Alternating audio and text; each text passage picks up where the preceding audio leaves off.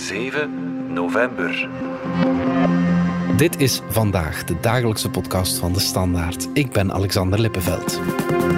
De winter komt eraan en dus hebben we het maar beter nog eens over onze energiefactuur. Het internet staat stijf van de praktische tips om straks de rekeningen te kunnen betalen. Maar ze houden zelden rekening met iemands persoonlijke situatie en voorkeuren. Om dat gat in de markt te vullen ging onze wetenschapsredactie aan de slag. Welke maatregelen maken nu echt een verschil?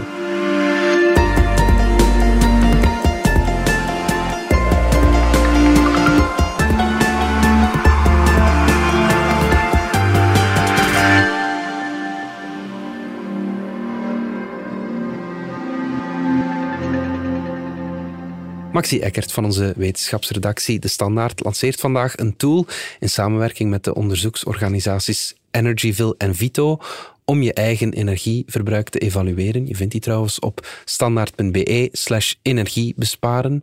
Nu ontploft onze website eh, normaal gezien. Wat is het doel van die tool, Maxi?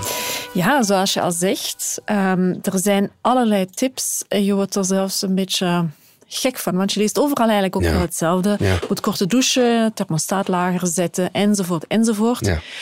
Maar wij op de wetenschapsredactie, wij bleven wat op onze honger zitten. Want je weet natuurlijk ook, het hangt zo sterk af van in wat voor een huis woon je, of woon je in een appartement. Is dat goed geïsoleerd, slecht geïsoleerd? Verwarm je met een warmtepomp of met gas, of misschien zelfs elektrisch? Ja. Met dan, hoeveel ben je? Dat, met is hoeveel ook zoiets, ja. ben je? Dat is ook zoiets. Um, en dan komt er ook nog eens bij dat, ja, inderdaad, hoeveel ben je? Heb je pubers in huis? Heb je kleine kinderen in huis? Ben je alleenstaande? En ben je dus de enige die iets te zeggen heeft over de thermostaat. Ja.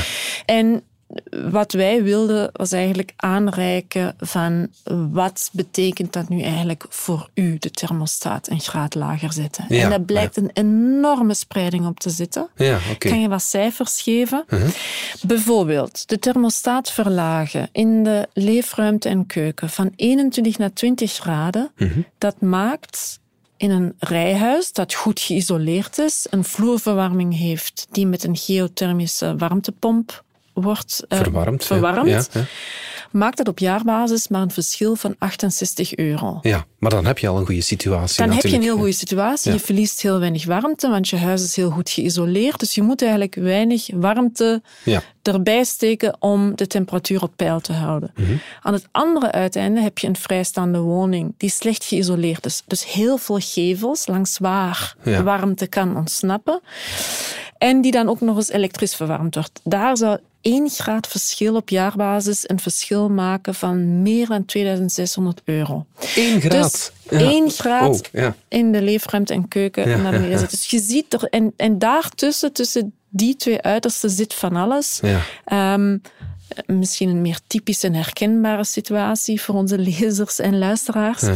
Een rijhuis, gemiddeld geïsoleerd verwarming met een oude gasketel op jaarbasis maakt 1 graad verschil 212 euro. Ja, okay, en het is eigenlijk met die tool die wij dus lanceren, willen we dus eigenlijk ja, mensen helpen om te kijken van hoe kan ik mijn eigen energiebesparingsmix samenstellen, ja. dat het enerzijds aansluit bij je persoonlijke situatie en Mhm. je woning, maar anderzijds ook dat je kan kijken waar, op welk punt ben ik nu eigenlijk bereid om ja, comfort in te leveren ja, of, en van wat die betekent dingen. comfort eigenlijk? Want voor de een is comfort, die zegt van ja, van, van, van 21 naar 20 graden, ik heb daar eigenlijk niet veel moeite mee. Mhm. Terwijl anderen dat verschrikkelijk vinden om in de winter uh, met uh, terbijzondergoed of uh, lange mouwen rond te lopen.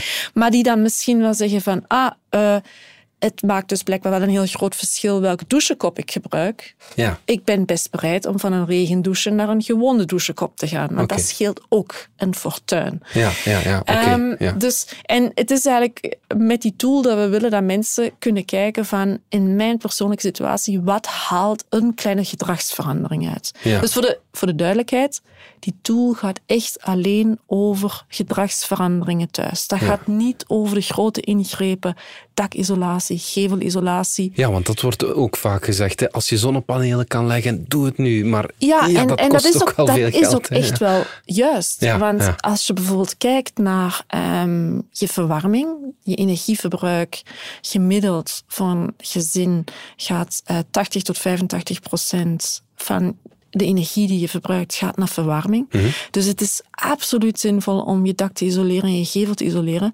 Maar ja, sommige mensen hebben het geld niet om Mhm. dat nu te doen. Of ze zijn nog aan het wachten, want de wachtlijsten zijn nu heel lang. Mhm. Of ze huren iets en de huisbaas zegt, het zal maar wel, mij interesseert het niet. Ja, dat kan en ook. trek maar. Dus, maar er zijn dus al wel heel veel dingen die je kan doen Ja. die in je eigen, die echt in je handen liggen. Ja, ja, ja. Maar laat ons even Ja. nog verder kijken naar die, naar die thermostaat. Hè? Want je zegt het al, 80 tot 85 procent van je verbruik. Waar liggen de belangrijkste punten waar je kan winnen, globaal gezien? Wat voor mij echt een eye-opener was Mhm. bij die berekeningen door ehm, Vito Energyville, Mhm. dat was hoeveel dat scheelt als je consequent s'nachts de verwarming afzet en overdag als je niet thuis bent. Mhm. Ja. Daar kun je al heel veel mee winnen. Wat eigenlijk heel goed nieuws is, want je voelt het niet. Ja. Als je slaapt, dan slaap je. En als je weg bent, ben je weg. Ja. En ik denk dat daar ook wel... ehm, dat dat voor veel mensen wel een interessant inzicht is. Want we denken heel vaak... Ja, maar ik mag toch mijn huis nachts niet laten afkoelen. Want dan moet ik het 's ochtends moet ik weer bijstoken. En dat kost dan ook heel veel energie. Ja, ja, ja. Maar hebben die onderzoekers van Energyville heel mooi aan ons uitgelegd. Het kost altijd minder energie om je huis helemaal te laten afkoelen en dan een paar uur of s'nachts koud te laten Ja. en dan 's ochtends weer bij te stoken. Oké, ja. Omdat de warmte die je verliest hangt af van het temperatuurverschil tussen binnen en buiten. Dus als je je huis de hele nacht op 21 graden houdt, ja. dan is het temperatuurverschil met buiten groter dan wanneer de temperatuur s'avonds zakt naar, ik zeg maar iets, 17 graden. Mhm. En dus verlies je meer warmte als je maar blijft bijstoken. En Ja, ja, ja. Het kost dan minder energie om 's ochtends dan weer op te warmen. ja. Dus dat gaat een beetje in tegen de intuïtie, maar het is wel belangrijk om te weten ja. dat het niet zinvol is om je huis op temperatuur te houden ja. als je er eigenlijk niks aan hebt. ja, ja, ja. Eén belangrijk ding, als je een vloerverwarming hebt met een warmtepomp, dan mag je het wel blijven, ja. mag je wel op temperatuur blijven, want dat gaat zodanig traag te afkoelen en opwarmen, dat het eigenlijk niet loont om Oh voor acht of negen uur de temperatuur lager te Oké, dan gaat het over Maar dat is, langere dat is dus wel één periodes. uitzondering, dat is echt vloerverwarming met warmtepomp. Ja, maar dat is dan inderdaad het ideaal scenario, wat nog altijd de minderheid van de mensen Ja, eh, en hebben dat zijn ook net dan degenen die ook het minste besparen als ze Ja. de temperatuur lager zetten, omdat ze eigenlijk al heel energiezuinig verwarmen. Ja, ja, ja, inderdaad.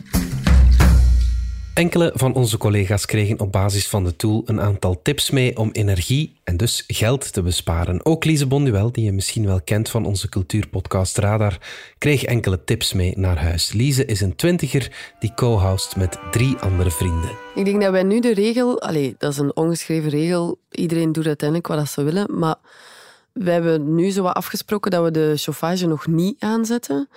En als we die aanzetten, dat we dat doen in de living als we met vier zijn. Dus die staat enkel aan als we thuis zijn. En dan staat die op 18, 19. En in uw kamer ja, draag je gewoon een dikke trui.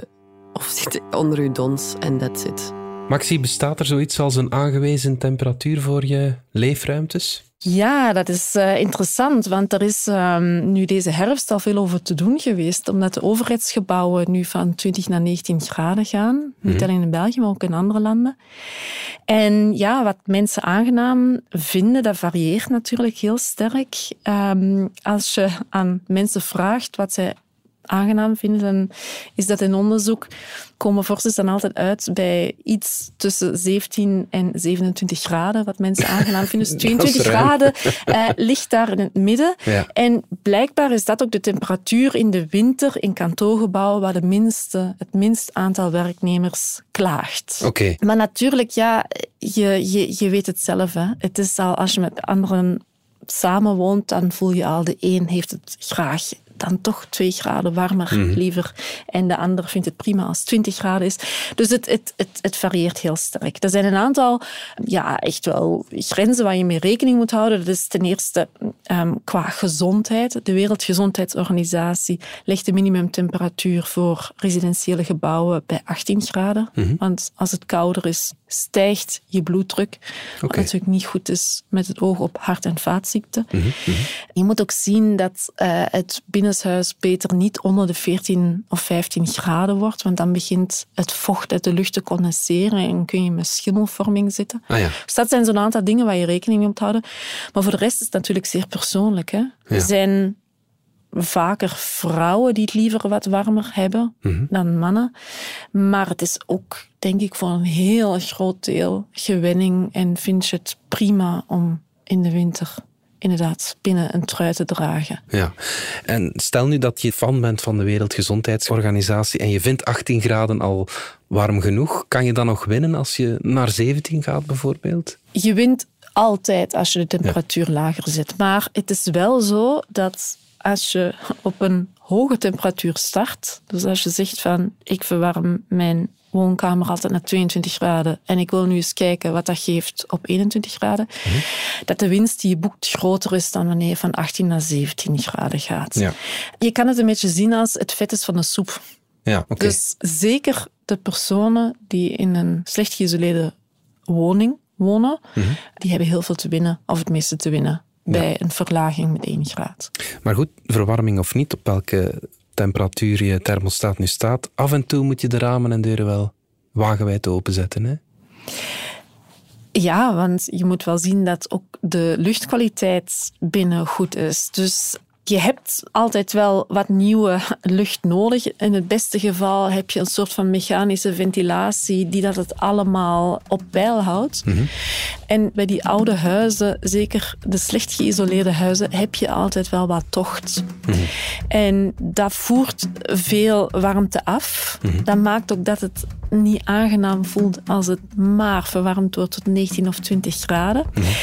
Maar het is wel een manier van ventileren natuurlijk. Hè? Ja, dus mensen die nu in oude huizen wonen, die alle kieren dicht doen, geen ventilatie op die manier meer hebben. Dus geen automatische ventilatie tussen aanhalingstekens. Ja. die moeten daar wel goed mee rekening houden dat ze dan wel regelmatig verluchten om dus ook het vocht uit de lucht af te voeren.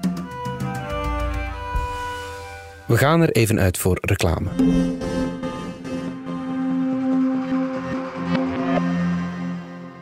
Wat vind jij nu zo fijn aan bouwen met Lego-stenen? Ja, hoe moet ik dat uitleggen? Het is echt ongelooflijk. Als je met Lego-stenen bezig bent, dan verliest je echt alle besef van tijd. En dan is het klaar en dan heb je altijd iets moois om naar te kijken en waar je fier op bent. Dat jij dat gemaakt hebt. 73% van alle volwassenen is op zoek naar nieuwe manieren om even los te breken uit de dagelijkse hectiek. Zoek snel naar Lego-sets voor volwassenen en maak tijd voor jezelf.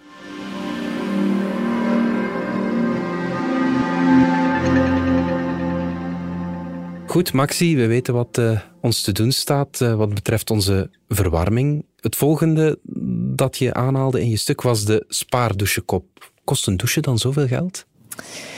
Ja, ook dat hangt weer heel sterk af van je individuele situatie. Om te beginnen is er de vraag welke douchekop heb je.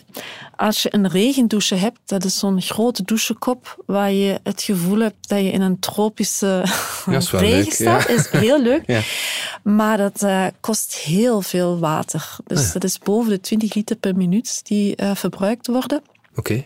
Um, en dat water, ja, dat moet worden opgewarmd. Hè? Mm -hmm. En dat vreet veel energie. Ja. Als je dat vergelijkt met een gewone douchekop, zit je aan iets van 11 liter per minuut. Dus dat is toch wel okay. veel minder. En een spaardouchekop zit daar nog eens onder. Okay. Zit tussen de 5 en de 7 liter per minuut. Ja, oké. Dus dat is een, ja, een vierde bijna. Dat, ja, dat is een groot verschil. Dat is een groot verschil. Mm -hmm. En dat maakt dan ook nog eens een extra groot verschil als je heel lang onder de douche staat. Ja.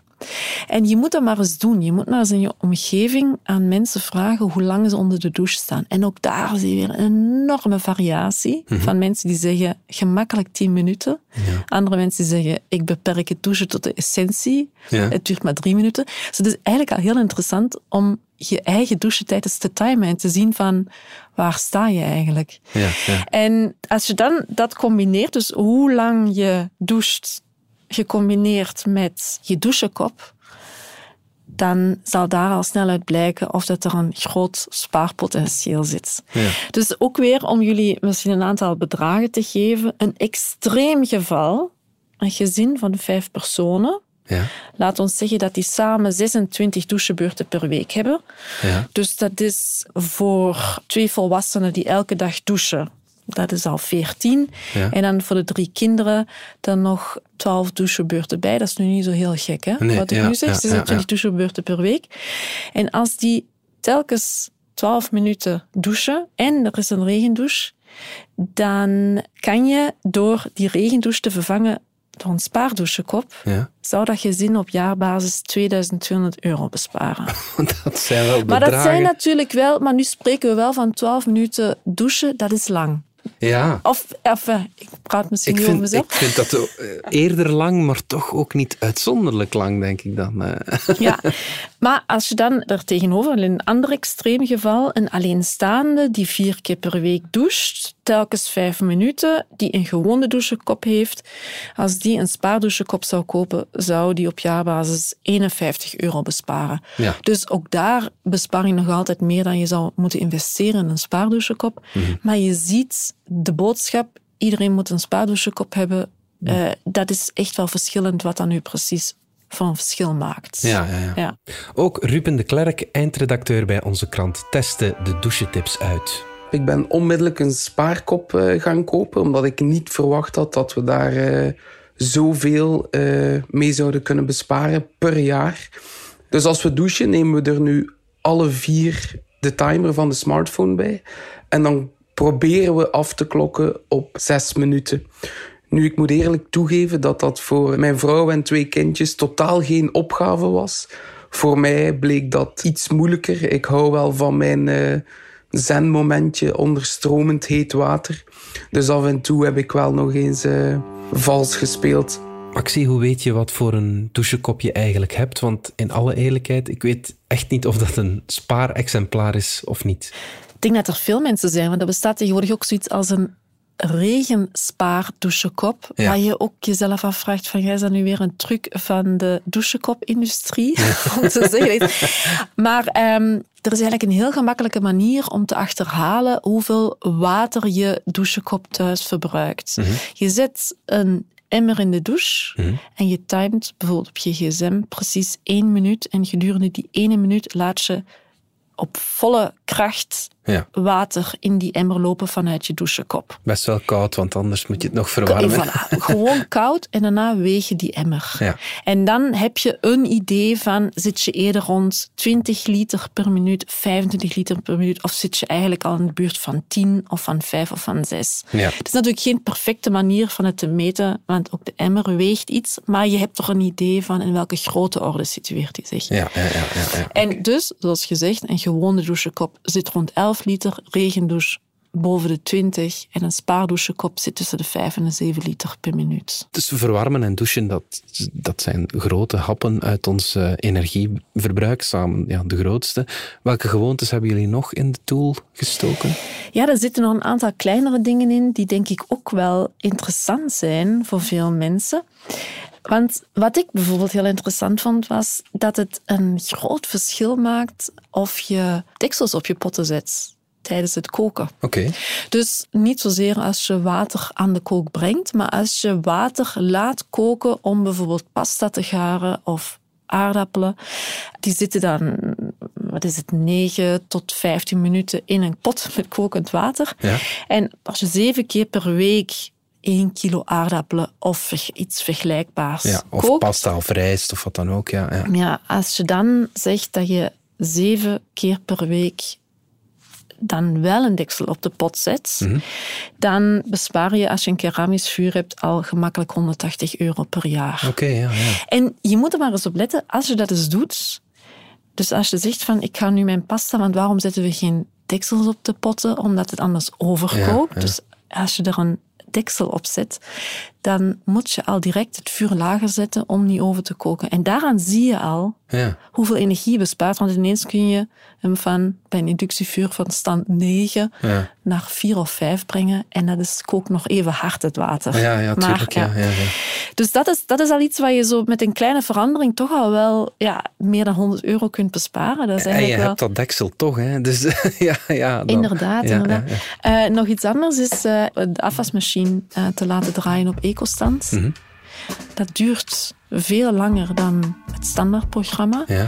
Maar ook dat, als we het nu hebben over, ik zeg maar iets, 10 cycli per week op ecostand in plaats van Uh, op automatisch of zoiets, ja. Nee, pas op, want als je de nieuwe vaatwasmachines staan standaard op ecostand. Ze ah, ja. moeten een handeling doen om het op het ah, ja. gewone programma okay, te zetten. Ja, dus als je dat niet doet, als je eraf blijft en je gebruikt wel het eco-programma, tien keer per week in plaats van het standaardprogramma, bespaar je ook al 200 euro per jaar. Okay. Dus ook dat scheelt heel veel. Oké, je moet dan wel drie uur wachten tot, uh, tot alles proper is, maar als je zegt van je maakt een gewoonte van om die pas op te zetten of zo. Dus het zijn ook dat soort kleine dingen waarmee je eigenlijk al heel veel kunt besparen zonder dat je er iets echt van voelt, laten we mm. zeggen.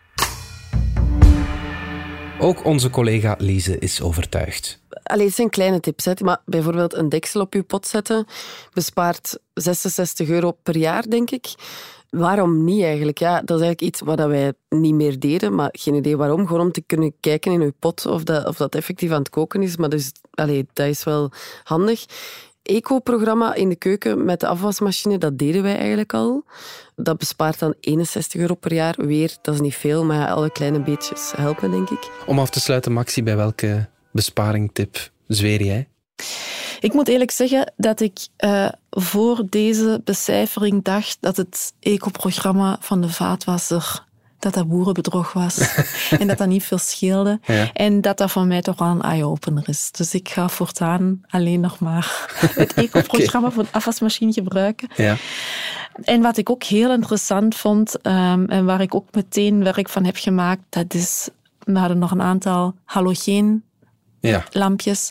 En dat is ook iets... Um, Die vervangen door LED. Echt wel vervangen door LED. Ja. Dat kost iets, dus je moet een paar euro betalen om. Of je moet ook even naar de, naar de winkel gaan om die te kopen. Maar als je een rail hebt met 10 halogeenspotjes van 50 watt, dan zit je ook al aan een besparing van 470 euro. Dan heb je misschien wel iets van 50 euro moeten investeren om die 10 spotjes te vervangen door LED. Maar bon, je haalt het er heel snel uit. Ja, ja, al op een jaar. Dus de terugverdientijd is eigenlijk heel kort. Ja, ja, okay. Dus dat zijn wel dingen... Um, ja. Die zeker de moeite zijn. Gewoon doen en allemaal uh, iedereen surfen naar standaard.be slash energie besparen. We herhalen nog eens. Maxi Eckert, dankjewel. Graag gedaan. Blijf nog even hangen voor je naar iets anders luistert, want ik heb een luistertip. Een bijzondere nieuwe podcastreeks van de Standaard. Waar lig jij wakker van? Wat moet ik opgeven voor mijn kind? Dat ik mij schuldig moet voelen over het klimaat. Vijf jonge redacteurs van De Standaard gaan op zoek naar antwoorden op persoonlijke vragen in de podcastreeks Klaar Wakker. Als ik nu bijvoorbeeld aan jou zou vragen van wat is voor u thuis zijn? Hoe kunnen we samen veiliger uitgaan? Is dat huis en die zekerheid mij dan zoveel waard? Beluister onze verhalen in de podcastreeks Klaar Wakker via je favoriete podcast-app of op standaard.be-klaarwakker. Dit was vandaag de dagelijkse podcast van de Standaard. Bedankt voor het luisteren. Volg ons op Spotify, Apple Podcast of eender welk ander podcastplatform. In onze gratis FDS podcast kan je niet alleen ons werk beluisteren, maar ook de beste podcasttips terugvinden, met zorg geselecteerd door onze redacteur Max de Moor. Alle credits van de podcast die je net hoorde vind je op standaard.be-podcast. Reageren kan via podcast.standaard.be. Morgen zijn we opnieuw.